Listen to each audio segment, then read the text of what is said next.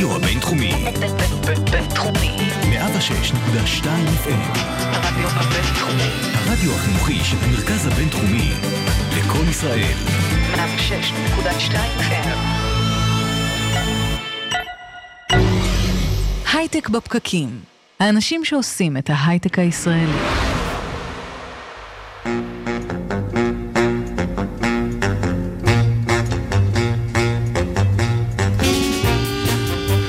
בוקר טוב. יום חמישי, 17 במאי 2018, בהרצליה עכשיו 26 מעלות. הייטק בפרקים.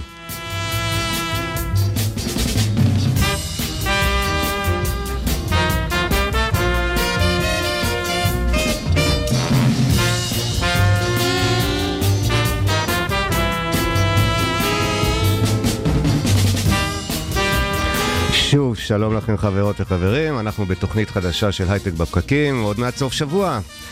איזה שבוע זה היה, דרמטי בכל המובנים, בין ירושלים לעזה, לזירה הבינלאומית, לזירות הספורט ב-NBA, בארץ, וכמובן גם באירוויזיון. שם קבענו שוב, אחרי 20 שנה, שבשנה הבאה בירושלים.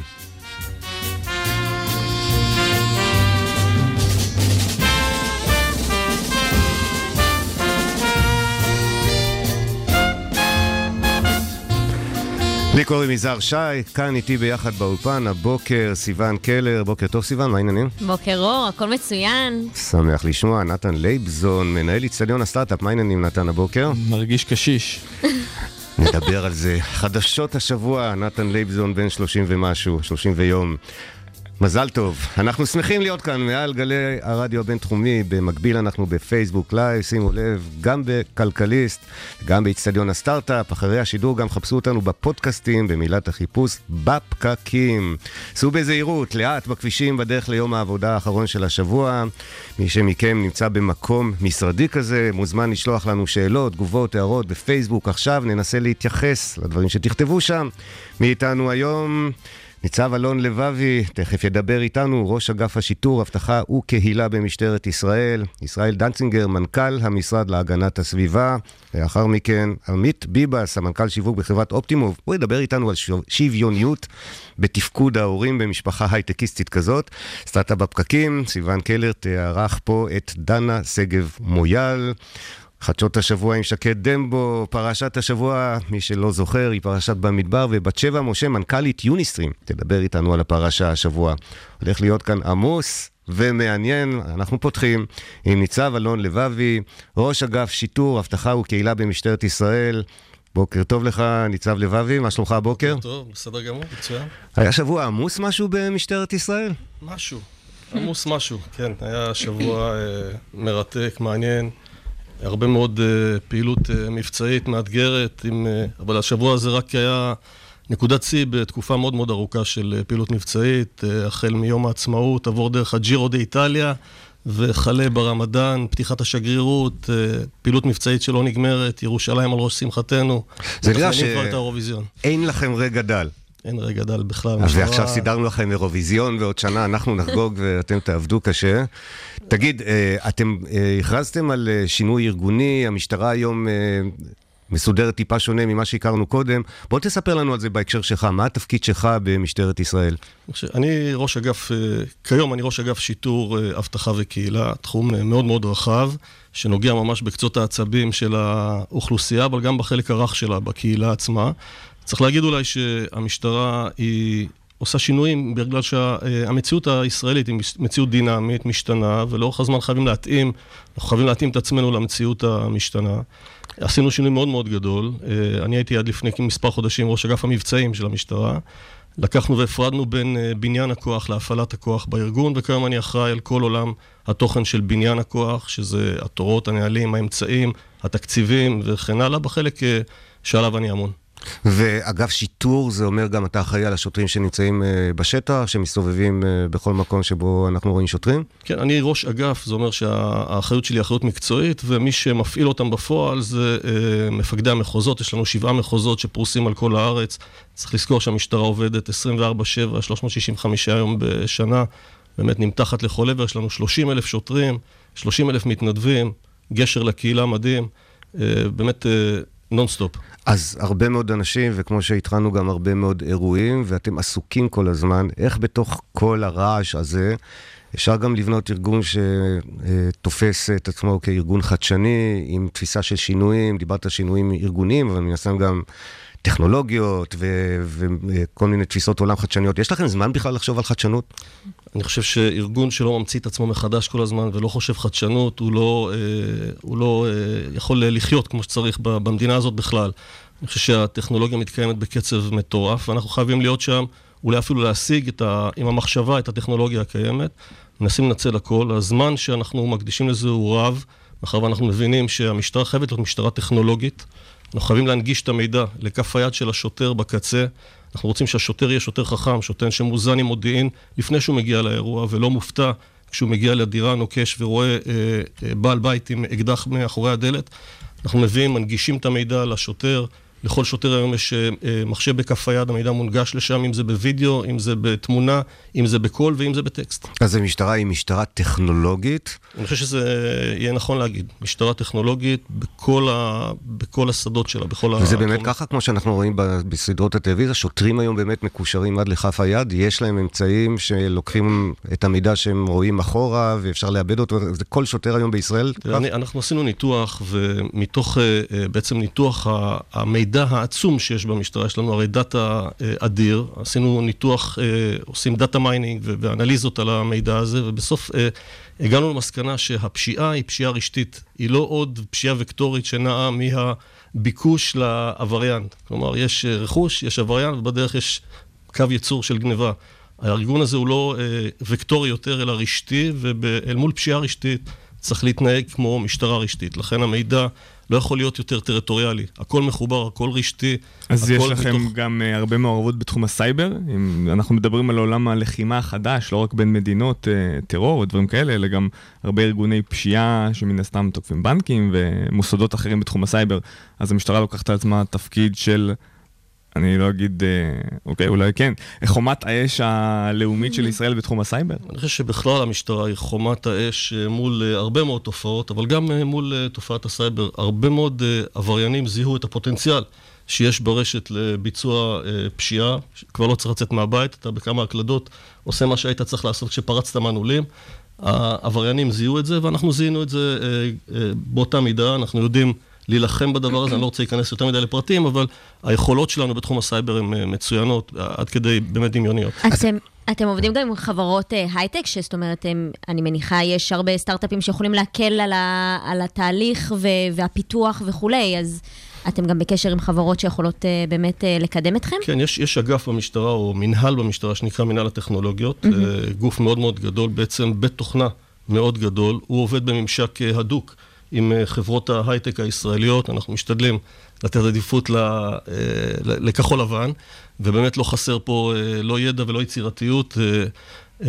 המנהל הטכנולוגיות הזה, או שקוראים לו מנ"ט, יש לו גוף שנקרא מפא"ת, שזה מרכז הפיתוח שלנו, החדשנות שלנו, מניע את כל הארגון למציאת פתרונות חדשים. אנחנו חשופים לתעשייה, כולל האקתונים של שוטרים וקצינים, שמעלים רעיונות, מה שנקרא bottom up. בוא נדבר רגע על סצנריו, תרחיש כזה.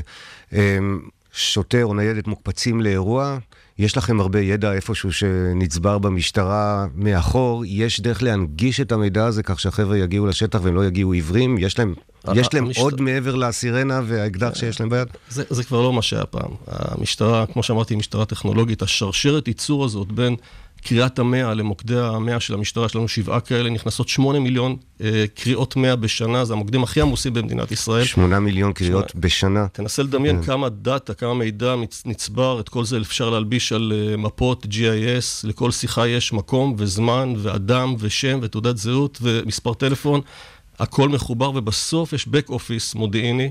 שמנגיש את המידע הזה אה, לשוטר. אז אני קראתי לשוטר, אני שומע יריות, אני מתקשר לשוטר ואני אומר לו, לא יודע, בדירה על יד אני שומע צרחות ויריות. מה עוד הוא יודע כשהוא מגיע אליי? מספיק, מה עוד אתם מספיקים לדחוף לו בכמה דקות שהניידת עושה? כל מה שניתן שהוא רלוונטי לאירוע. אם אנחנו עכשיו ניגשים לדירה שבה היה אלימות בין בני זוג לדוגמה, אז אנחנו רוצים לדעת האם אה, לבעל או לאישה או למי מבני הזוג יש עבר אלים או אה, גישה לנשק, כדי שהשוטר, באמת, כמו שאמרתי, לא יופתע כשהדלת תיפתח, אלא כל מה שניתן להזרים לו, נזרים לו כבר קודם.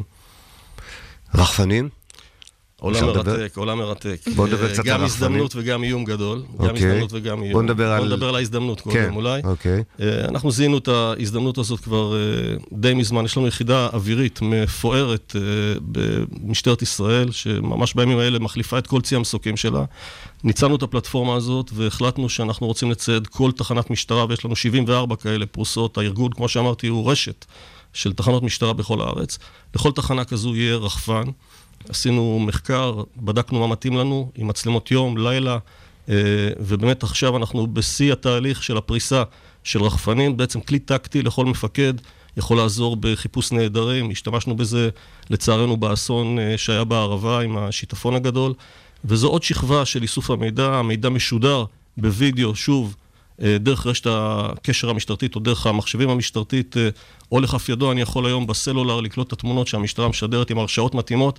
אה, בקיצור, אה, כלומר, הרחפנים כבר נכנסו, הם. חלק מעבודת השטח של היום משטרת זה ממש ישראל. חלק אינטגרלי מהכוח המבצעי. עוד לא סיימנו את הפריסה, והתחום הזה מתפתח במהירות כל כך רבה. יש אה, רחפנים קטנטנים בכף היד, ויש אה, אה, מפלצות מעופפות גדולות. כמו שאמרתי, גם איום, צריך לדעת לנסות אה, לאתר את זה. כולנו ראינו את הסרט עם אנגלה מרקר, עם הרחפן שנוחת אה, למרגלותיה. לא נעים. איום לא פשוט. אנחנו גם בהמשך אה, נדבר על, אה, גם עכשיו גוגל עושה איזשהו שיתוף פעולה עם אה, אה, ארצות הברית, גם בנושא הרחפנים. אה, יש לזה גם באמת הרבה מאוד אה, חסרונות. אה, ציינת את זה מקודם, אמרת הזדמנות, מה החסרונות שאתה רואה ב...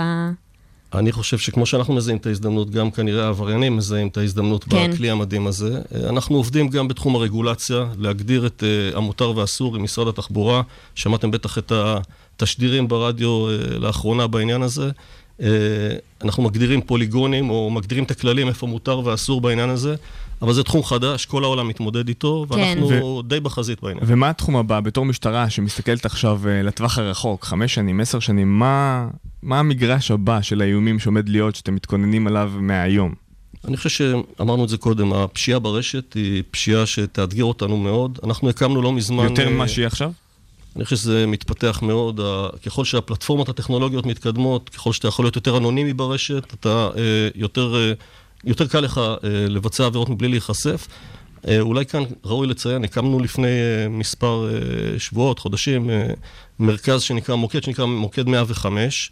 אה, אנחנו זיהינו שיש עבריינות כנגד נוער ברשת, ילדים שמשדרים מצוקה, אם זה באינסטגרם או בפייסבוק. אנחנו מנטרים את הקריאות האלה, והיום אנחנו יודעים לתת. מענה גם למצוקה הזאת שמתנהלת ברשת עם בני נוער, שיימינג אה, וכן הלאה. עולם תוכן אה, ואפרופו מטורף. החיבורים שדובר בהם קודם, אנחנו חייבים להעביר לך, יש פה שמות של כמה סטארט-אפים שעברו דרכנו, אפילו בשנה האחרונה, שיכולים לעזור לכם בניטור סכנות שנמצאות ברשת אה, כלפי בני נוער. אני רוצה להספיק לדבר על המניעה האסטרטגית.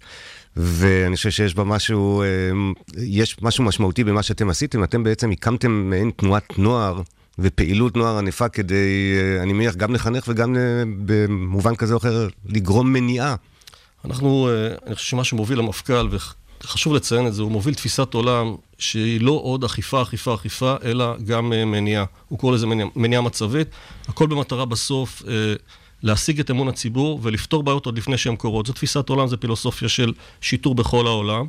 על הפלטפורמה הזאת הבנו שבעצם נוער הוא cost effective, ההשקעה בנוער זו השקעה נכונה, היא גם חינוכית, היא גם ערכית, ובסופו של דבר אתה מוצא שנוער שחווה את המשטרה מהצד הטוב שלה, מכיר אותה לעומק, בסוף אתה לא מוצא אותו ברחובות עם בקבוק אלכוהול או מוזיקה בקולי קולות. עשינו שני תהליכים, יש לנו שני, שתי תנועות בעצם, יש לנו תוכנית אחת שנקראת מילה, שזה משטרת ישראל למען הנוער. אנחנו פונים לנוער שהוא, מה שנקרא, הוציא את הרגל מחוץ לעיגול פעם אחת, בקטנה, כמו שאומרים. אה, אנחנו מובילים אותו אה, תוכנית יחד עם הרשות המקומית, יחד עם רשויות הרווחה, שוטר שמלווה את התוכנית הזאת, שוטר קהילתי, לכל הדרך, ובסופו של דבר מחזיר את הנער הזה אה, למסלול ומוציא אותו לדרך חדשה אה, נורמטיבית, והמבחן שלנו זה גיוס לצה"ל. והתוכנית השנייה היא תוכנית שנקראת שחקים, שפונה לנוער הנורמטיבי, ובעצם היא סוג של תנועת נוער, אה, במתכונת אה, צופים, אם אפשר להגיד, שבעצם אה, מחברת את הנוער למשטרה, חושפת אותו ל...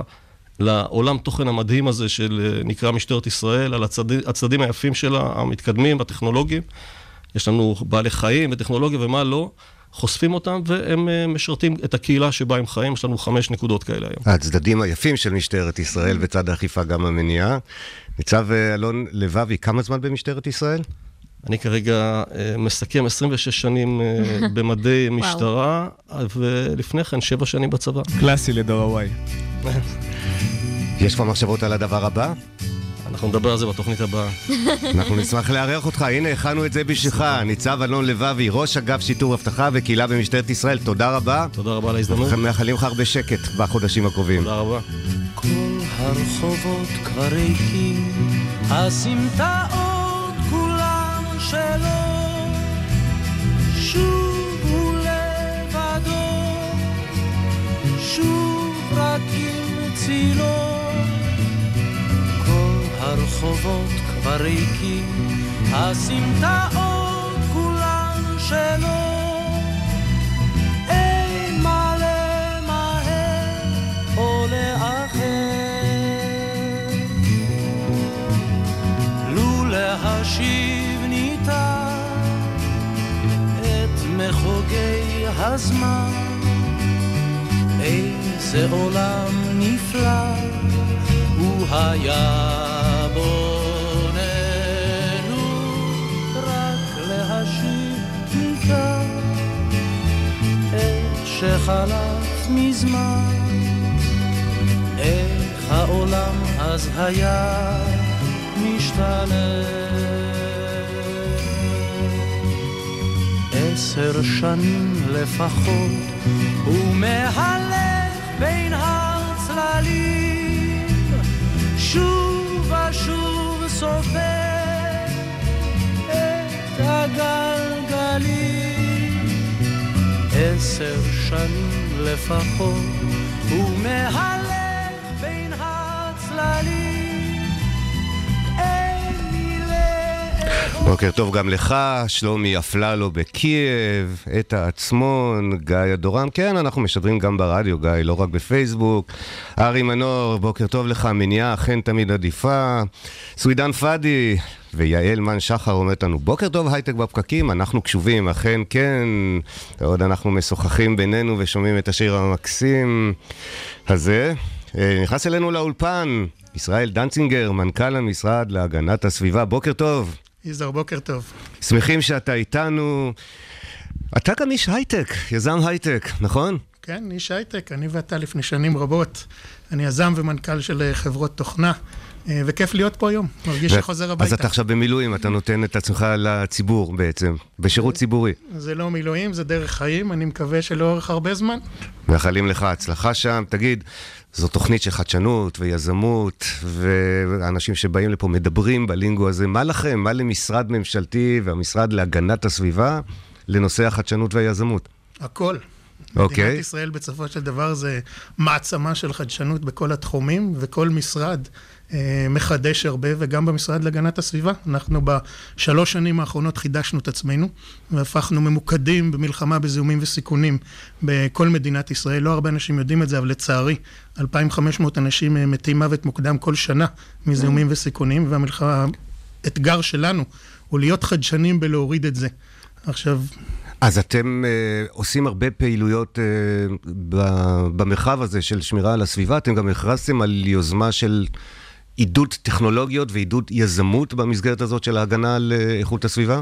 צודק מאוד. ספר לנו על זה בבקשה. בנוסף, ל... בנוסף למלחמה היומיומית שלנו, החלטנו שאנחנו גם צריכים לעלות להתקפה. ולעלות להתקפה זה לא רק למנוע ולהפחית זיהומים וסיכונים, אלא לראות איך אנחנו חלק מזה שמדינת ישראל היא מעצמת טכנולוגיות סביבה, ולכן אנחנו משיקים השבוע תוכנית מאוד רחבה בתחום הזה. ואיזה טכנולוגיות מדובר? כי אם אני עכשיו חושב על איכות סביבה, ובדיוק דיברת על אנשים שנפטרים מזיהומים, אז אחד מהזיהומים העיקריים זה בעצם מכוניות שפולטות גזים וזה זה זיהום אוויר, אז אם יש לכם גם מעורבות בתחום הזה, ואז זה בכלל מכניס אותנו לרכבים אוטונומיים. או, נגעת בדיוק בנקודה. זיהום אוויר מגיע מתחבורה, מגיע מאנרגיה, מגיע מתעשייה, מגיע מחומרים מסוכנים, מגיע מפסולת, מזיהום מים, מזיהום של ים וכולי. ועכשיו, אם תלך קדימה, תראה שבכל מקום אנחנו יכולים לעשות מהפכה. רכבים אוטונומיים, בטריות וצבירה של אה, חשמל, ורכבים שמונעים בכלל על ידי אנרגיה אחרת, מימן וכולי, כל מיני תוכנות שעושות את כל התחבורה השיתופית, ולכן שישתמשו פחות בכלי רכב, אוטובוסים חשמליים, רכבות חשמליות וכולי וכולי. תמשיך גם לאנרגיה. כל ייצור חשמל והתייעלות אנרגיה וניהול הרשת, כל הדברים האלה בסופו של דבר מצילי חיים ומשפרי בריאות, ואנחנו חייבים להוביל את העולם אז בטכנולוגיות אתם האלה. מתקדמים עכשיו בכל הוורטיקלים האלה ביחד, או שיש תחומים ספציפיים שכרגע אתם אומרים, אנחנו רואים בהם כסטייג' הראשון שאנחנו רוצים בשנים הקרובות, חמש שנים הקרובות? במלחמה היומיומית שלנו אנחנו נלחמים בכל אה, 12 או 13 הזיהומים והסיכונים. בפלטפורמה של החדשנות שאנחנו הולכים לתמוך, אני מאמין שהשוק צריך להכריע, ולכן אנחנו בתור ממשלה צריכים לתת את הפלטפורמה, את הכלים, בשביל שיזמים, מדענים, אה, בוגרי 8200, תלפיות, כל מי שרוצה להמציא דבר חדש, יגיע אל התחום הזה, יחקור בתחום הזה, יוכל לעבור את שלב הבטא, יוכל לקבל השקעה ויוכל להצמיח חברות. מדינת ישראל, ההייטק הבא, הוא טכנולוגיות סביבה. אז באמת, אז ישראל, יש פה תמיד איזשהו, אה, איזושהי נקודת כשל, ונקודת הכשל פה זה, לא חסרים אנשים עם רעיונות טובים. הבעיה היא לממן ולהגיע לשלב שהרעיונות האלה הופכים להיות מסחריים, הופכים להיות אה, מיושמים בהרבה מאוד מקומות. איפה אתם יכולים לעזור בעמק המוות הזה, שגורם להרבה מאוד רעיונות טובים פשוט להיעלם? יזהר, כשנכנסתי לזה חשבתי כמוך. לצערי, גיליתי שלא מספיק אנשים במדינה חושבים שיש פה פוטנציאל. וקודם כל המטרה שלי היא שבוגר 8200 ותלפיות וסטודנט באוניברסיטה יבין שפה הוא יכול לעשות את האקזיט הבא, פה הוא יכול לבנות את ה billion dollar company הבא, ושיש פה 6.5 טריליון, טריליון דולר של שוק שאפשר ללכת אחריו. אז קודם כל אנחנו עושים תוכניות כדי להביא לידיעת כל היזמים והחוקרים הפוטנציאליים שזה תחום. דבר שני, מחקרים יישומיים. גם החברות שפועלות היום אה, לא בתחום של סביבה, מתעסקות בסביבה. אני רוצה שזה יהפוך לסטארט-אפ הבא, אני תומך בזה. דבר שני, כמו שציינת, עמק המוות, הבטא בטכנולוגיות סביבה זה לא קל כמו אפליקציה בסלולרי. צריך להשקיע בברזלים, צריך להשקיע בכסף, צריך להגיע אל אותם אתרים שבהם אפשר לעשות את הבטא. אנחנו נתמוך, אנחנו נממן, אנחנו נאפשר ברגולציה לעשות את זה הרבה יותר קל. והדבר האחרון, צריך. הדבר לא האחרון, אחד לפני האחרון, אה, צריך להגיע אל כסף. צריך לגרום לאנשים כמוך להקים קרנות שמשקיעות בתחום האדיר הזה, שוב, 6.5 טריליון דולר זה פוטנציאל אדיר בשבילך לאקזיטים. ועכשיו הדבר האחרון, זה שאנחנו באמת צריכים לעשות ולסייע בכישורים עם הממשלות. צריך להבין שהרבה מהקונים, הלקוחות, זה אה, ממשלות, ולממשלות קשה למכור, אבל אנחנו יודעים להביא את היזמים ואת החברות אל הממשלות, ולכן אנחנו עושים פרויקטים לחבר אל סין, לחבר אל אסיה, לחבר אל אפריקה, שם יש פוטנציאל אדיר. מה בפועל קורה בתוכנית? זאת אומרת, איך... אה, מה, מה, מה אתם עושים? יש אה, חמישה נדבכים, אני לא אחשוף את כולם כי אני רוצה שתגיעו אל הכנס אה, שבוע רגע, הבא. אז הכרזת פה, שנייה, הנה כבר, יש כנס. להפך, יש כנס שבוע הבא. להגיע. רגע, אז. בוא- רק בואו נוודא שהבנו את זה, יש כנס בשבוע הבא, איפה ומה מה הנושא שלו? יש כנס בירושלים שבו אנחנו משיקים את מה שאנחנו מדברים עליו ומציגים לכל היזמים, המשקיעים, אנשי אקדמיה, חברות, אה, גורמים בינלאומיים. את ההשקעה הכספית שאני לא אנקוב בסכומים, כי ננקוב בהם בכנס, אבל היא מאוד מאוד גדולה, הפוטנציאל של הממשלה הוא גדול מאוד. נגמר בטריליון. אה, נגמר בהרבה אפסים. אז יופי, אז זה בשורה טובה. באיזה יום הכנס הזה? ביום חמישי. יום. חמישי. תדאג שהחבר'ה מהדוברות שלך, הנחמדות מאוד שהיו פה הרגע, אה, את חלקם אנחנו אפילו מכירים, שישימו, יש לנו לינקים גם בדף של כלכליסט וגם באיצטדיון הסטארט-אפ, שהיזמים שמאזינים לנו כרגע, המשקיעים, אנשים שמתעניינים, ידעו לאן להגיע, אז אנא מכם שימו לינקים. מי שיבוא לכנס, ישמע מה? ישמע הרצאות, ישמע ניתוחים, פאנלים. מי שיבוא לכנס קודם כל ישמע אה, על סיפורי הצלחה. הבאנו סיפורי הצלחה של טכנולוגיות סביבה במדינת ישראל, אה, דוגמה של, אור- של אורמט, שאנשים יסבירו איך בונים חברה ענקית אה, שהיא פוטנציאל אדיר למי שייכנס לתחום. אחרי זה ישמע את החזון. אה, גם השרים הרלוונטיים, גם אני, נדבר על החזון ולאן אנחנו רוצים להביא את זה, ואחרי זה ניכנס לפרטים. ניכנס לכל אחת מהתוכניות שלנו, איך זה יעבוד, כמה כסף, איך ניגשים, אה, באיז, מה הערך שזה יביא ומה הפוטנציאל שזה יביא, והדבר הזה יהיה קיקסטארט הפיכת ישראל למעצמה של טכנולוגיה סביבה. יש אה, תחומים שיותר חשובים לכם ותחומים שפחות אפשר לסמן? אני יודע, אנרגיה סולארית למשל מאוד פופולרית בישראל, אבל יש, יש לכם איזושהי העדפה? בסופו של דבר, כשאתה מדרג השפעה על בריאות הציבור, זיהום אוויר וחומרים מסוכנים, זה בראש אה, סדרי עדיפויות. כשאתה מסתכל על הפוטנציאל העסקי, מדינת ישראל מובילה בתחום של מים ושפכים, אז שם אנחנו כבר נמצאים במקום טוב. ואם אנחנו מסתכלים על להרחיב את השוק בשביל מדינת ישראל, בסוף אנחנו רוצים יותר חברות, מטבע חוץ שנכנס למדינת ישראל, קשרים עוצמתיים במדינת ישראל, אז צריך לפרוץ את תחומי אה, זיהום האוויר, ששם אנחנו לא נמצאים. אני מאמין בתחבורה ואני מאמין באנרגיה. שמה הולך להשתנות העולם. בעשור הקרוב, ב-20 שנה הקרובות, כל נושא התחבורה אה, יהפוך, יהפוך את אורו לגמרי, כולל נושא האנרגיה. זה פוטנציאל אדיר לכלכלה חדשה שאנחנו נייצר במדינת ישראל. והכלכלה הזאת תקבל עידוד מהמשרד לאיכות הסביבה, ורק לוודא שהבנו, התוכנית כבר פועלת. יזמים שיפנו דרך הערוצים שאתם uh, תציינו אותם בשבוע הבא, יזכו לתמיכה, יזכו ל- לליווי שאתם מדברים עליו. שבוע הבא משיקים ושבוע הבא מתחיל לפעול, וקדימה הפועל, יאללה, להביא כלכלה לישראל. אז אני נותן לך אתגר פה, יש לנו פה פינה שנקראת uh, חדשות השבוע, ששקד דמבו מגיש אותה, תשלחו לנו את החדשות האלה שבוע הבא, נשדר פה בשידור, חצי שידור חי כזה, את ההכרזה שלכם, נשמח לספר. בשמחה גדולה, אני רואה שאתה יזם טוב, ממשיך למכור כל הזמן, תודה רבה. עכשיו אנחנו מוכרים פה. לדבר כן. על חזון. מדבר על חזון ועל פקקים ועל הייטק. ישראל דנצינגר, מנכ"ל המשרד להגנת הסביבה, תודה רבה שהגעת אלינו, והרבה הצלחה בהצלת עוד הרבה מאוד אנשים בפעילויות היפות שאתם עושים. חבר'ה, תודה רבה, ואני רק רוצה להוסיף, כל יזמי ההייטק, אנשי העסקים, בואו למגזר הציבורי, בואו לשרת ציבור, אפשר לעשות פה דברים שאני בחיים לא האמנתי שאני אוכל לעשות אותם ממש משמעותיים. יש לכם יכולות, יש לכם ניסיון, תביאו אותו לשירות ציבור. פעמיים, גם איכות הסביבה וגם uh, יזמות. וציונות. תודה רבה לך, ישראל דנצינגר.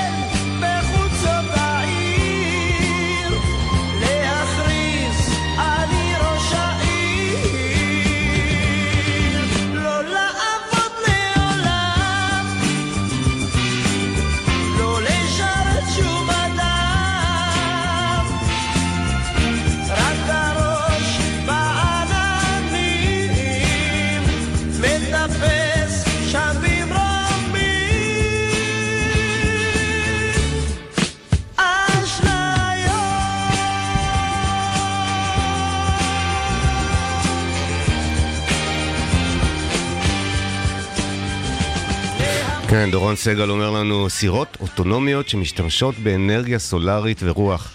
זה נראה כמו בדיחה או משהו אמיתי? מה אתם אומרים, הוא התכוון זה לזה? אשליות. אשליה. מדע בדיוני. בהמשך לרוח השיר, תודה רבה לכל מי שמצטרף אלינו. וככה בעוד אנחנו מאזינים לשירים ומצטלמים פה בינינו, מי שרואה אותנו כאן בווידאו, נכנסת אלינו לאולפן דנה שגב מויאל, לפינה. סטארט-אפ בפקקים. נכון מאוד, יזהר. אז uh, היום אנחנו מארחים את דנה שגב מויאל. היא בוגרת 8200 עם עשר שנות uh, ניסיון בתחום המודיעין והביטחון. היא עשתה הסבה uh, לשנות את העולם המשפטי בשביל להנגיש אותו לציבור. אז uh, אהלן, בוקר טוב. בוקר טוב. אז אני מניחה שבין אם זה בעולם הסטארט-אפים שבעצם חותמים על כל מיני חוזים, יזמים שחותמים על חוזים, ובין אם אתה רק רוצה להשכיר איזושהי uh, דירה או כל דבר כזה או אחר, אתה כל פעם מגיע ואתה מול החוזה, ולא תמיד אתה מבין אותו. בדיוק. אז, אה, אז בואי תסבירי באמת אה, אה, מה בפועל אתם עושים. יפה.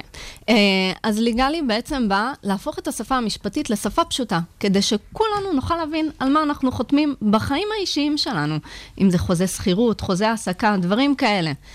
למעשה ליגלי היא marketplace שמקשר בין עורכי דין ללקוחות כדי לספק להם פרשנות חוזים במחירים הכי נגישים בשוק ובמהירות הכי גבוהה שיש. מאחורי כל זה, יש טכנולוגיה שאנחנו מפתחים, טכנולוגיית AI, שלומדת את החוזים ואת הפרשנויות, ועוזרת לעורכי דין לעשות את העבודה שלהם הרבה יותר מהר והרבה יותר נכון. מעניין אותי, אה, זה הגיע מצורך אה, ש, שמשהו קרה? משהו, מה? איזשהו... אה, משהו אחד. את יודעת, יש כל כך הרבה סיפורים וכל כך הרבה מקרים. אני חושבת שאם לא לכל אחד מאיתנו, אז כולנו מכירים לפחות בן אדם אחד שקרה לו איזה משהו עם חוזה, בין אם זה כשהוא רצה לחתום על חוזה, או בין אם זה כשהוא היה באמצע חוזה ורצה לצאת, ואז זה כזה, טוב, רגע, מה אני עושה עכשיו? אני באמת יכול לעשות את זה? אני לא יכול לעשות את זה? קרה לנו כל כך הרבה מקרים ש... את יודעת, חתמנו נגיד על חוזה שכירות, ואחרי זה גילינו ש... איזה באסה, אה, יש שם איזה סעיף שעכשיו אה, דופק אותנו בסוף. א- איך זה נראה? אני מדמיין לעצמי, ונתת דוגמה מצוינת. אז אני חתמתי, או אני עומד לחתום על חוזה שכירות. אתם מסמלים לי בצהוב, באדום, את הדברים שאני צריך לשים אליהם לב, או אתם מציעים גם, תשים לב, הוא פה מנסה לעבוד עליך בעמלות, אולי כן. תלך... א- איך אז- זה נראה? אז אנחנו באמת מנסים להנגיש את זה בצורה הכי משמעותית ללקוח, לא רק להגיד לו, זה סעיף בעייתי. להפך, אנחנו נכנסים ממש לעומק. אז העורכי דין שלנו בעצם אה, מקבלים הנחיות מאוד ברורות, והם אה, מתמודדים עם אה, סעיפים בעייתיים מכמה, מכמה סוגים. הם, יש, יכול להיות סעיפים סטנדרטיים לחלוטין, אבל שכתובים בשפה מאוד משפטית, שבן אדם רגיל פשוט לא יבין. יכול להיות סעיפים שהם לא חוקיים, ויכול להיות סעיפים שהם לא סטנדרטיים, משהו באמצע, כמו נגיד ריבית מאוד גדולה, או אה, סעיף אי-תחרות בחוזה העסקה שהוא מאוד ארוך ולא סטנדרטי לשוק. העורך דין לוקח את כל הסעיפים האלה, על כל אחד מהם הוא כותב בשפה הכי פשוטה מה תכלס הסעיף הזה אומר, ואז נותן בעצם המלצה של למה הדבר הזה בעייתי ומה אפשר לעשות עם זה. זה יכול להיות, אל תחתום על זה, תבקש להוריד את זה, זה יכול להיות, תבקש לשנות את זה ככה וככה, לקצר את הזמן, להאריך את הזמן, לעשות כל מיני שינויים כאלה, כדי שאז יהיה לך סבבה לחתום על זה. עדיין אבל זה, אני מחכה לדוגמה, מאיפה זה התחיל? זה נשמע שאת חווית את זה, נכון. נכון? ואז נכון. אמרת, כי אין לך שום קשר למשפטים. אני, אני מנחש נכון. שחווית את זה בשכירות או משהו, זה נשמע לי משהו נורא חוויתי את זה מעצבן וכואב. בשכירות, אה, אני, השותף שלי, אה, אתם יודעים, זה מהמקרים האלה שאתה בא לחתום על... אה, אתה בא לחפש דירה, בדרך כלל זה בתל אביב, השוק מטורף, אתה מוצא דירה, נותנים לך 24 שעות לחתום על חוזה. אתה מקבל חוזה, אתה מסתכל על החוזה, החוזה מסתכל עליך, יש שתיקה מביכה. בדיוק. ומה עושים עכשיו? אמ, אז לא היה לנו, באמת עד לפני שנה, לא היו לי חברים עורכי דין, לא הכרתי יותר מדי אנשים, ולא היה לי מה לעשות. כאילו, אתה מנסה לפנות לעורכי דין, נותנים לך הצעת מחיר של 1,500 שקל. זה לא cost effective, זה לא רלוונטי. וכמה זה עולה אצלכם? אז אצלנו המחירים בארץ הם באזור בין 100 ל-200 שקל לחוזה. אה. אמ, מחירים הכי מוזיל, נגישים אה, שיש. משמעותית. בדיוק. אה, אנחנו פעילים גם בניו יורק, המחירים שם אה, נעים בין אה, 75 ל-200 דולר, וזה עדיין הדבר הכי נגיש שיש בעולם. זהו, יש לי אבל שאלה. זאת אומרת, יכול להיות אה, מספר עורכי דין ש... שיכולים לענות על אותו חוזה בצורה שונה, לא? יפה. אז פה נכנסת הטכנולוגיה שלנו. את אה, חייבת להרוס את המסיבה, סיוון. אוקיי, בואו נשמע. להפך, היא הרימה לי עכשיו. הרימה להנחתה, אוקיי. יפה. אז אנחנו תמיד אומרים, אני אקח את אותו חוזה, אני אשלח לחמישה עורכי דין שונים, אני אקבל חמש פרשנויות שונות. כדי למנוע את זה, הטכנולוגיה שלנו באמת לומדת את כל החוזים ולומדת את הפרשנויות. ואז מה שהיא עושה, היא יודעת להציע לעורכי דין תשובות. אז... או לצורך העניין, עורך דין מגיע, רואה חוזה, המערכת כבר אומרת לו, אוקיי, זה סעיף בעייתית שצריך לשים לב אליו. אני מציעה לך פרשנות, זה בוודאות של 93.2 אחוז, 80 עורכי דין אישרו את זה, אתה יכול לאשר, אתה יכול לדחות, או שאתה יכול לאשר ולערוך את זה בהתאם לאחוזי הספציפי הזה. ואז, לא משנה מה עורך דין עונה, המערכת ממשיכה ללמוד, זה או מעלה או מוריד אחוזי ודאות. ובעצם היא לוקחת מכל התשובות של העורכי דין את כל הדברים, ומאגדת ונותנת אותם. תשובה הוליסטית. יש מצב שבסוף יום אחד לא תצטרכו, אתם, החברה, לא תצטרכו יותר עורכי דין, פשוט המערכת תהיה כן. כל כך חכמה ואוטומטית שהיא תעשה להיות. בעצמה את העבודה. הם לא חוששים מזה? כאילו, אנחנו תמיד מנבאים, לא אנחנו, היה- תמיד אה, מנבאים ש... הרובוטים, כן, כן. שהרובוטים קודם כל ישתלטו על מקצוע עריכת הדין. אז השאלה אם עורכי דין, איך הם משתפים פעולה? כי הם לא חושבים שיום אחד זה יחליף אותם, ומיטב מחבריי שהיו הם משפטנים ועורכי דין, אה, אמר שלמדתי. נתן בעל תואר ראשון במשפטים, כן. אחד הדברים שאני פחות גאה בהם, בסדר. אז אה, אין ספק שיש בזה משהו, אבל אנחנו באים ואומרים משהו אחר. אנחנו באים לתמוך בעורכי דין ולייעל את העבודה שלהם ולעזור להם לעשות את מה שהם עושים כבר בצורה יותר טובה. יש בו בעצם כמה אלמנטים. יש פה את האלמנט, האלמנט הכי חשוב, זה בעצם האלמנט של ה-trust. שאנשים רוצים לבטוח במה שקורה שם מאחורי הקלעים. אה, ברגע שיש לך עורך דין אמיתי שחתום על הדבר הזה ויש אחריות מקצועית, אז בן אדם יותר, יותר בוטח בזה. אה, יש אנשים שלהביא למכונה, לעבור להם על החוזה ולתת איזושהי המלצה, לא הכי סומכים על הדבר הזה. בעצם זה שיש עורך דין בלופ זה משהו קריטי. זה גם מדהים מבחינתנו כי הם מלמדים את המערכת. אם בעוד חמש, שש, עשר שנים נוכל לעשות את זה בלעדיהם, זה יהיה מטורף, זה יהיה מדהים. עדיין אני מאמינה שיש דברים שלא נוכל לעשות בלעדיהם. אז חד משמעית, חלק מהעבודה של עורכי דין היום הולכת להיעלם, וזה בסדר וזה נכון, אה, ויש דברים מורכבים יותר שיישארו שם. אי אפשר uh, תמיד להחליף uh, מגע של uh, בן אדם, uh, למרות חתימה.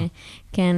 Uh, אז, אז בואי uh, באמת uh, נדבר על, נניח, uh, מסתכלת קדימה, באמת uh, חמש, שש, שבע, עשר שנים, ציינת את זה קודם, אז איפה את רואה את זה? טוב, אז uh, ליגלי מבחינתנו אמורה להיות המקום for everything legal. אני רוצה שליגלי תהיה מקום שבן אדם פשוט בחיים היומיומיים שלו, שנתקל בכל מיני אה, מצבים משפטיים שונים, יפנה אלינו. אני לא רוצה רק לספק לו פרשנות חוזים, אני רוצה לספק לו כל דבר שהוא צריך, כל דבר שאפשר לעשות אונליין, שלא צריך עורך דין בחדר, הוא יעשה דרכנו. ורוב הדברים הם כאלה. כן, אז אה, אוקיי, אז שיהיה לכם בהצלחה, מקווה. שנגיע לשם.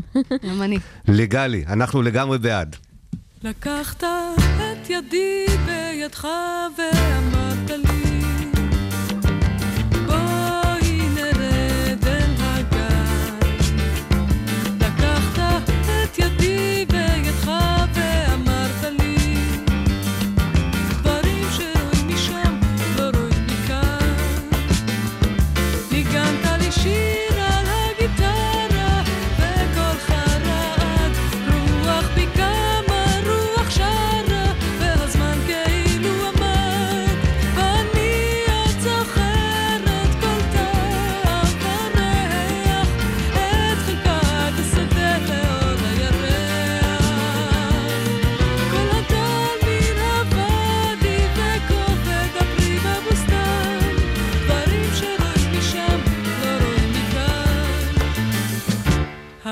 הייתי לבדי ודרכי עבדה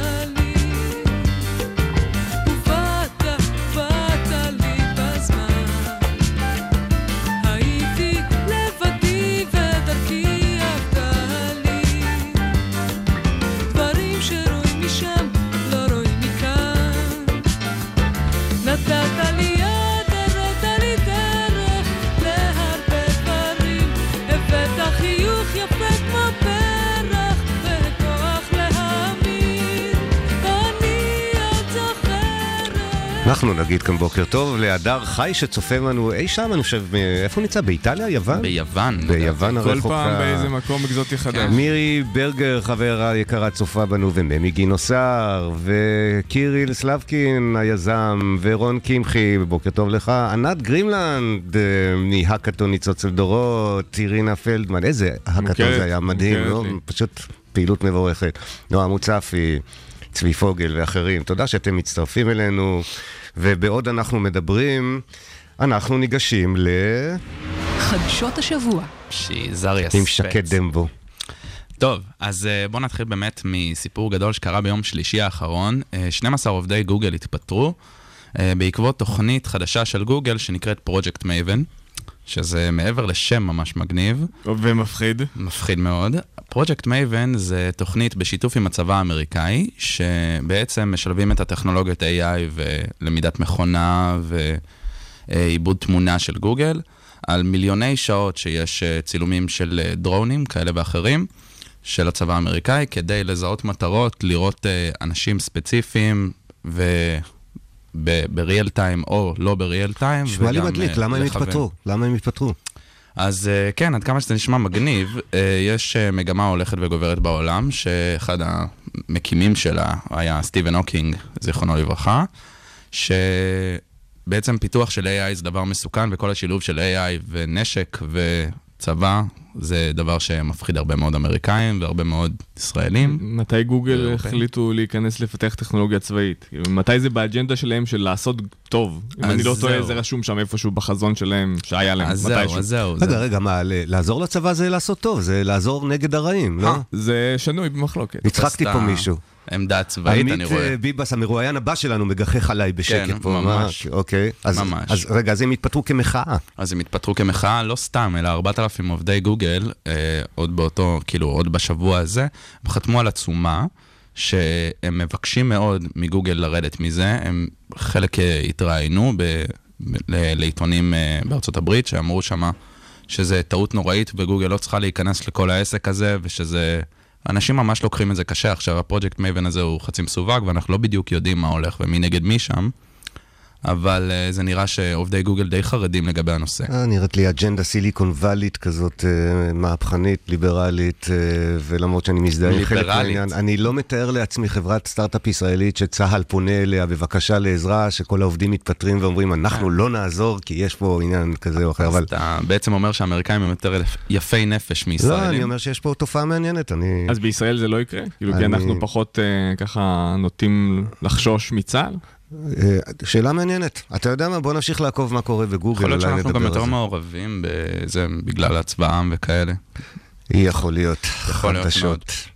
טוב, אז הדבר הבא שאני רוצה לדבר עליו זה באמת על אייל וולדמן, שאמר ב- בריאיון... ככה הוא קורא ולדמן, לעצמו, ולדמן. סליחה, ולדמן, שביום שלישי האחרון באמת נערך אה, כנס בתל אביב, שנקרא ביינט אקספו 2008, אה, שהיה בסימן 70 שנות חדשנות בישראל, והתראינו שם מיטב המנכ"לים ואנשי ההייטק ב- בישראל, ביניהם גם אה, מנכ"ל צ'ק פוינט. אה, ואייל ולדמן, שהוא מנכ"ל אה, מלאנוקס, מי שלא מכיר. אה, ואחד מהדברים ה- היותר, היותר מעניינים שהוא אמר שם, אז הוא אמר, אני שואל את עצמי, האם אני רוצה שהבן שלי יהיה מנכ"ל, ואני לא יודע. אם אתה מצליח זה טוב, ואם אתה לא, אז זה יכול להיות ממש רע. וואו. אה, אני חושב שיש בזה משהו כמעט מרגש. כלומר, אייל כן. ולדמן, מנכ"ל סופר מוצלח, שלקח חברה לערך של לגמרי. מיליארדי דולרים, ועם פעילות חובקת עולם וכולי, בעצם אומר, חבר'ה, זה לא תענוג כזה גדול.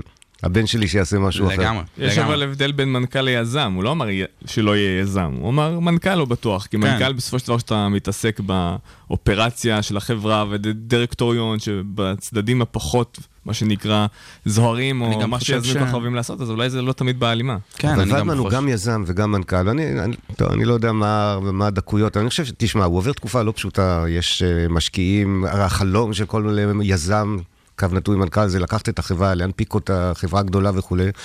והנה הוא עשה את זה, והוא מתמודד עכשיו עם אה, בעלי מניות לוחמניים וכל מיני קרנות כן, אה, גידור כאלה ואחרות. כן, משקיעים שממררים לו את החיים ורוצים להעיף אותו מהעבודה ולפטר אותו ולהגביל אותו וכולי. אז החלום לפעמים פוגש מציאות לא כל כך... לגמרי, אה, באמת שתי נקודות אה, ממש, ממש קשות שהוא העלה שם, זה באמת את סיפור המשקיעים האקטיביסטים, כמו שאמרת עכשיו, שאתה יודע, אתה תמיד, אה, יש לך חברה, אתה בונה אותה מאפס, ואנשים מתחילים להזיז אותה ימינה-שמאלה, ואתה קצת מתחיל לאבד שליטה.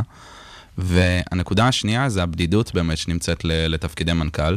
אני, אני משער, עדיין לא הייתי שם, אבל אני משער שזה באמת נכון, כאילו, אנשים נמצאים שם, הם עוברים דברים מאוד מאוד קשים, הם פותחים חברה מאפס ויש לה טלטלות כאלה ואחרות במהלך הדרך, ואתה נמצא שם לבד, כאילו, אין לך עם מי לדבר. אתה גם שמעת שהוא אמר עדיין, נכון? עדיין, הוא הוא כן. מתכנן לכבוש לך חמש משהו. שנים היום אתה מוזמן לפה לדבר האם אתה תרשה לבן שלך להיות יזם או מנכ"ל. אגב, יש מבחן שאתה יכול לעשות לפני זה כדי לראות אם אתה תוכל להיות מנכ"ל. לך למסעדה ותהיה לבד, תאכל ארוחה. אומרים שזה אחלה של מבחן לדעת אם אתה מסוגל להתמודד עם הבדידות עם הזאת. הבדידות. זה כן. כולל גם אה, אנשים שאכלו לבדם ב fast food, במקדונלדס וכאלה. לא, לא, לא, ארוחה שלמה, שלוש מנות. אז אני לא בטוח שאני מתאים. חדשה אחרונה. חדשה אחרונה, אז ככה נזרוק את זה ממש ב shout-out, אקזיט מרשים מאוד ל Loop Commerce, שנמכרת ביותר מ-250 מיליון דולר, זו חברה אמריקאית עם שני יזמים ישראלים, וכל הכבוד. ובכל זאת זה טוב, תדע לך, והכל טוב.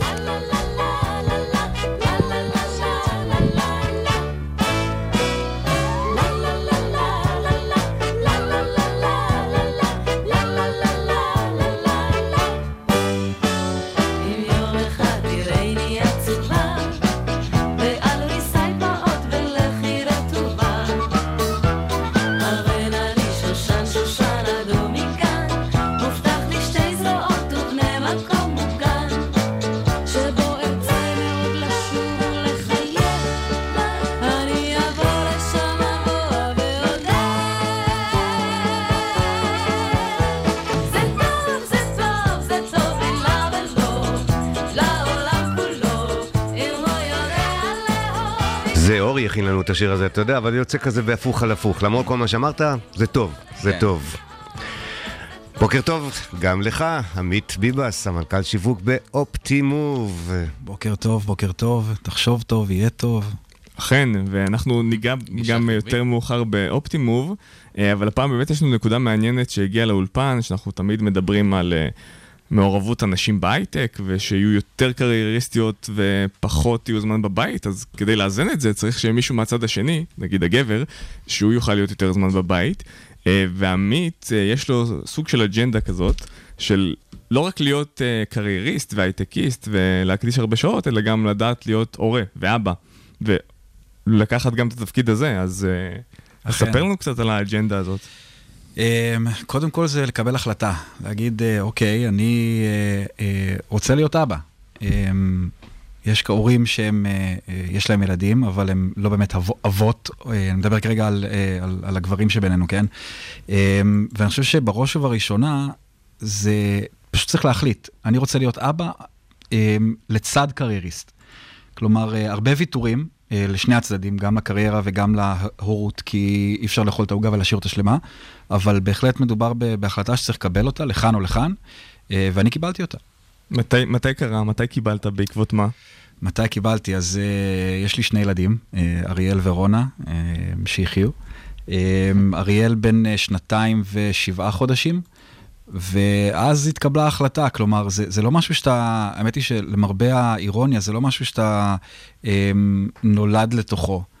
Uh, זה משהו שאתה מתגלגל אליו, כלומר, זה קורה, ואז אתה אומר, שנייה, Um, עד עכשיו, ואני בהשכלתי מהנדס תעשייה וניהול, ואת הקריירה שלי התחלתי באופטימוב, um, וגדלתי בתוך החברה, וזה לא איזשהו פאוזה בזמן שאתה אומר, אה, אוקיי, אז, אז, אז שנייה, כן אבא, לא אבא, כן uh, קרייריסט, לא קרייריסט, זה...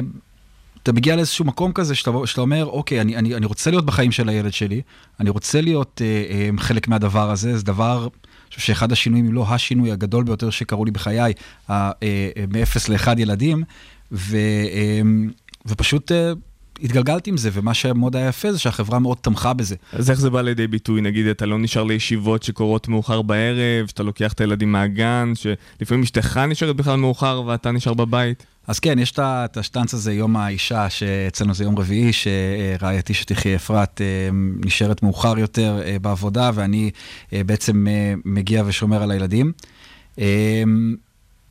שוב, אני, אני חושב שבסופו של דבר, היום בסביבת עבודה מודרנית, יש את העניין של אה, אה, אף אחד לא עומד לך עם סטופר וסופר לך מתי הגעת, מתי אתה יוצא, תחתים כרטיס.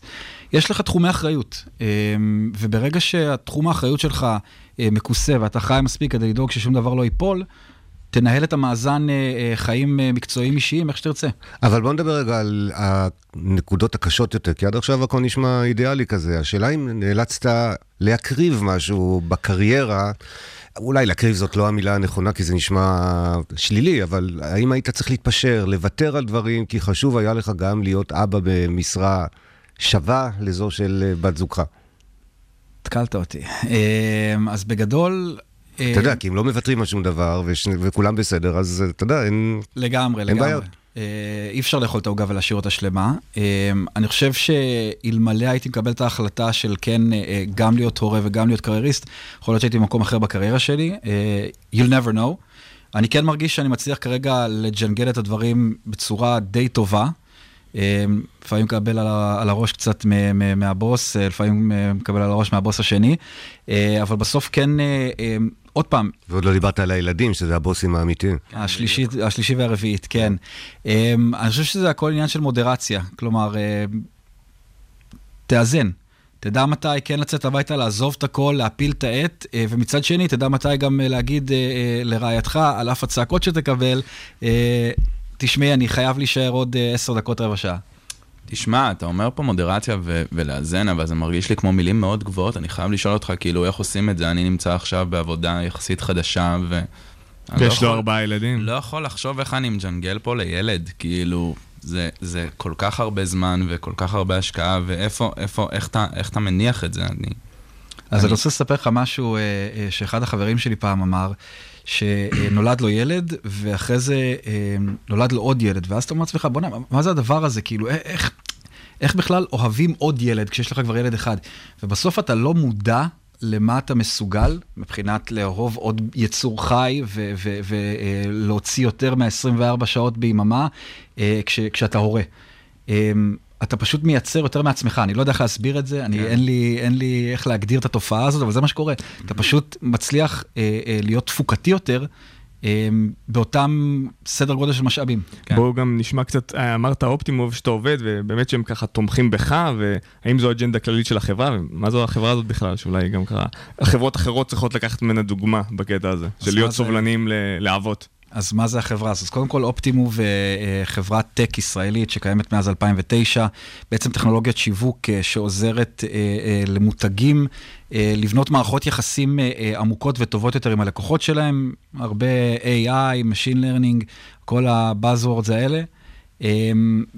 ובסופו של דבר, מה שהמוצר הזה מנסה לעשות זה למקסם שווי של לקוחות קיימים. עכשיו, זה ככה קצת על המוצר, 180 עובדים, משרדים בניו יורק, לונדון ותל אביב. אמ, אז ככה, זה אחרי שסיימנו להסביר מי ומה. בגדול, מבחינת סביבת עבודה, כמו שאמרתי, מה שאנחנו מאמינים בו באופטימוב זה בעצם אמ, כן לאפשר אה, אה, לעובדים לנהל לעצמם את הזמן. כלומר, אמ, האיזון, אה, life-work balance הוא נורא נורא חשוב. עכשיו, בעבר הייתה את הפילוסופיה הזאת של גוגל שהמציאו בזמנו, תעשה את המשרדים שלך מנוצצים כדי שאנשים והעובדים יישארו עוד ועוד ועוד זמן. היום אני חושב שהגישה הזאת הולכת והופכת לפחות אה, אה, שכיחה. ובסופו של דבר, כלומר, עובד שמאזן בין חייו האישיים לחי... לחיים המקצועיים שלו, הוא תפוקתי יותר, לפי עמית, מחקרים. אנחנו חייבים לסיים, אבל אני חייב לעשות לך בוחן פתע בעניין הזה. אנחנו ערב שבועות, יש לך, אה, לא לך, יש לך עובד שיש לו ילדה בגן, והם חוגגים את אה, טקס הביקורים, והשעה היא, שעת הטקס שלהם תהיה חמש אחרי הצהריים השבוע ביום חמישי, ובאותו רגע יש אירוע מאוד חשוב למחלקת השיווק שאתה עומד בראשה, יש איזה לונץ' מאוד מפורסם, כל חב... עתיד החברה הולך על הלונץ' הזה, והעובד אומר לך, אני רוצה ללכת הביתה. תגובה שלך בשתי מילים. לך הביתה, אבל uh, מן הסתם הודעת לי על זה שבוע וחצי לפני, אז אתה כבר סגרת את כל הפינות uh, מבעוד מועד. שימו לב, הורי ההייטק, טקס חג הביקורים, הרבה לפני כל הלקוח, כל הכוח הכי חשוב שלו יהיה. כל הכבוד לך, עמית ביבס, עמדת במבחן. תודה רבה.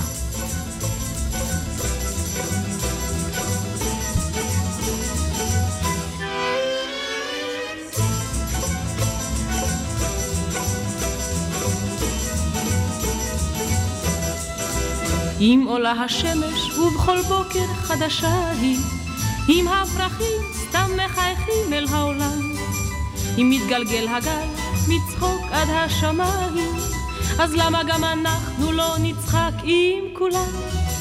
אם יש עוד קרקסים וליצנים ולא בספר, אם צחוק הילדים נשמע צלול ולא רחוק, צוחק השוק הים, הפעמון של בית הספר, אז למה גם אנחנו לא נלמד לצחוק.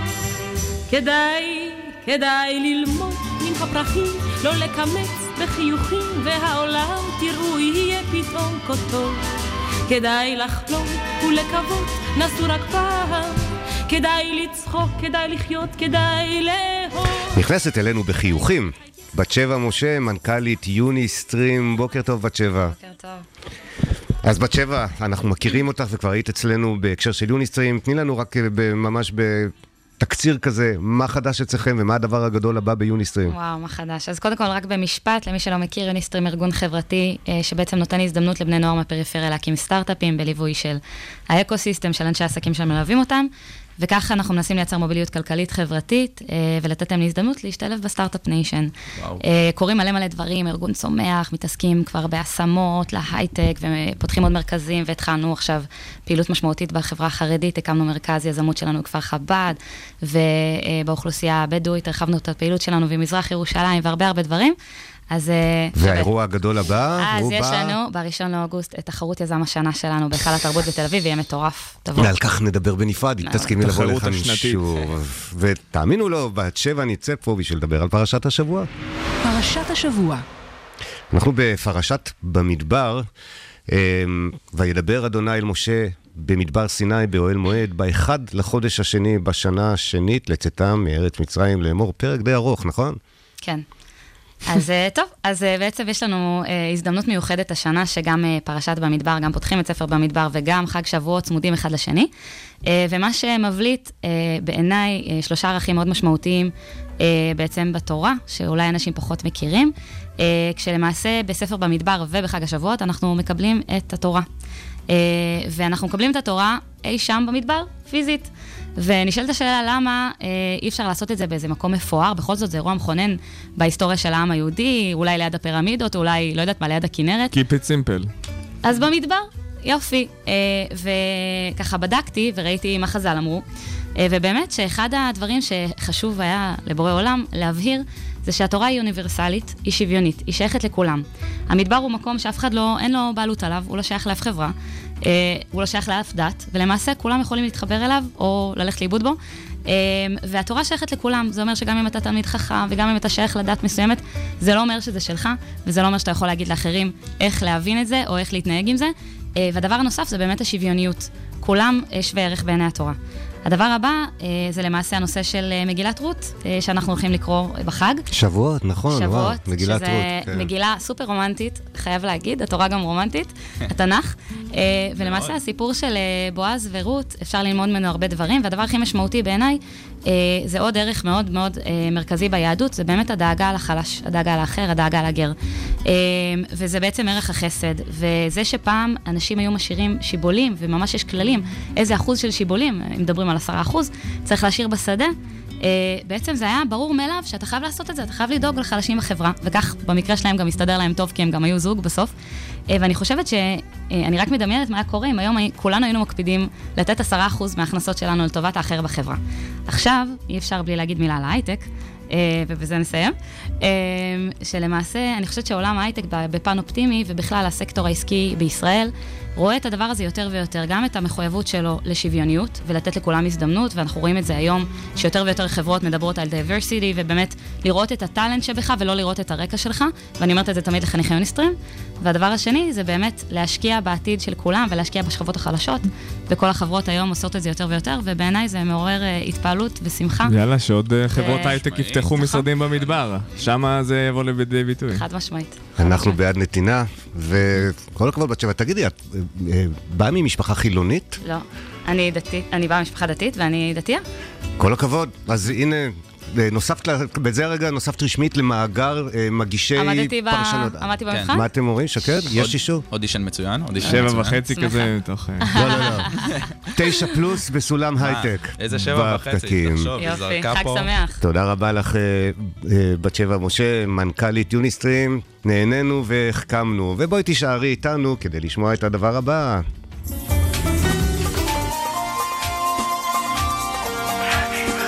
כן, אנחנו לקראת סיום.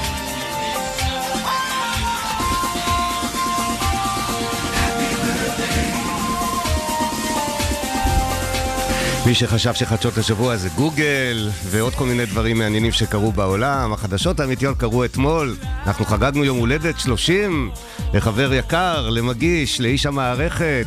קבלו את נתן לייבזון.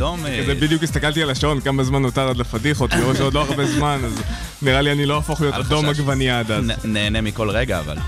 אין פדיחות, אנחנו רק מאחלים לך את זה. איפה המתנות?